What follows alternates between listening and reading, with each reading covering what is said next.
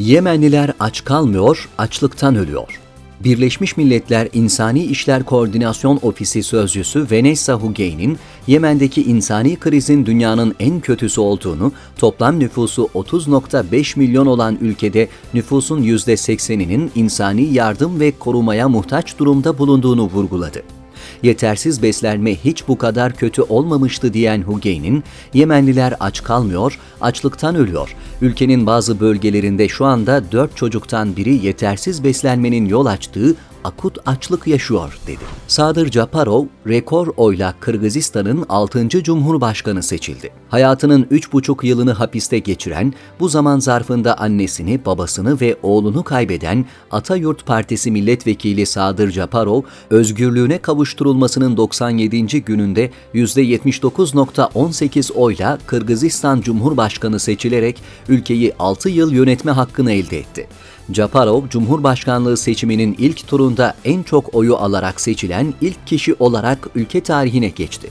Japarov'un vaatleri arasında güçlü devlet başkanlığı yönetim sistemi, yolsuzlukla mücadele ve kısa sürede ülkeyi kalkındırma projeleri bulunuyor.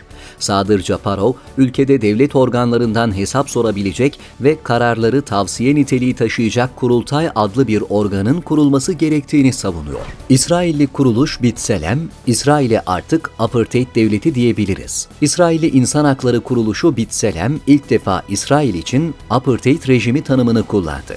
Bitselem tarafından hazırlanan raporda Ürdün Nehri ile Akdeniz arasında yer alan kadim Filistin toprakları kastedilerek İsrail rejimi nehirden denize kadar olan coğrafyanın tamamında Yahudilerin Filistinlilere üstünlüğü ve bunun sürekliliği için çabalıyor, dolayısıyla artık İsrail'e apartheid devleti diyebiliriz ifadeleri kullanıldı.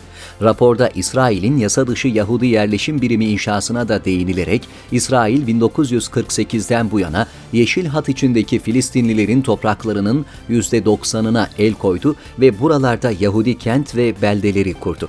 280'den fazla Yahudi yerleşim biriminde 600 binden fazla Yahudi yaşıyor denildi. İdlipliler çadırlarına yama yaparak yağmur ve soğukla mücadele etmeye çalışıyor.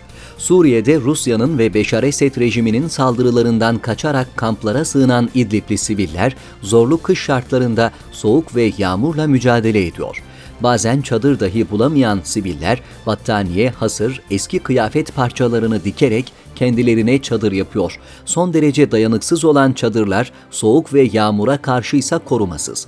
Aileleriyle İdlib'deki kamplara sığınan kadınlar ellerine aldıkları iğne, iplik ve çeşitli malzemelerle zarar gören çadırlarına yama yaparak kışı çıkarmaya çalışıyor. İdliblilerin ısınmak için başvurduğu yöntemler hastalıklara davetiye çıkarıyor. Suriye'de Esed rejimi ve Rusya'nın saldırılarından kaçarak İdlib'deki kamplara sığınan sivillerin yakacak bulunmaması nedeniyle çadırlarını tezek, eski elbise, naylon ve plastikleri yakarak ısıtmaya çalışması başta astım ve bronşit olmak üzere birçok hastalığa davetiye çıkarıyor.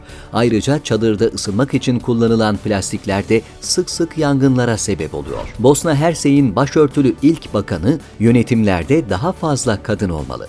Bosna Hersey'in ilk başörtülü bakanı Saraybosna Kantonu Eğitim Bakanı Nayda Hota Muminovic, yönetimlerde daha fazla kadın olması gerektiğini vurguladı. Bakan Muminovic, kadınların karar alma ve politika üretme süreçlerinde daha fazla katılım göstermesini teşvik etmede toplum olarak henüz yolun başındayız dedi. Bu noktada kadınların da kendilerine güvenmeleri ve arka planda kalmamaları gerektiğini vurgulayan Muminovic, eğer kadınlar kenarda durur ya da azınlığın sesi olurlarsa politikaya kadınların katılımının hissedilmeyeceğinden endişe ediyorum dedi. Irak'ta yaklaşık 3 milyon insan günlük temel gıda ihtiyacını karşılayamıyor. Birleşmiş Milletler Dünya Gıda Programı'nın 2020 yılına ait Irak'taki insani duruma ilişkin yayınladığı bir raporunda ülkede yaklaşık 3 milyon insanın günlük gıda ihtiyacını karşılayamadığı ifade edildi. Raporda gıda temin etmekte zorluk çeken vilayetlerin başta %20 ile Musul, ardından %15 ile Diyala, %14 ile Kerkük ve %10 ile Bağdat olarak sıralandığı kaydedildi. Küresel piyasada petrol fiyatlarının düşmesi ve üretimin azalması nedeniyle Irak'ın gelirinde ciddi azalmaların yaşandığı bildiriliyor.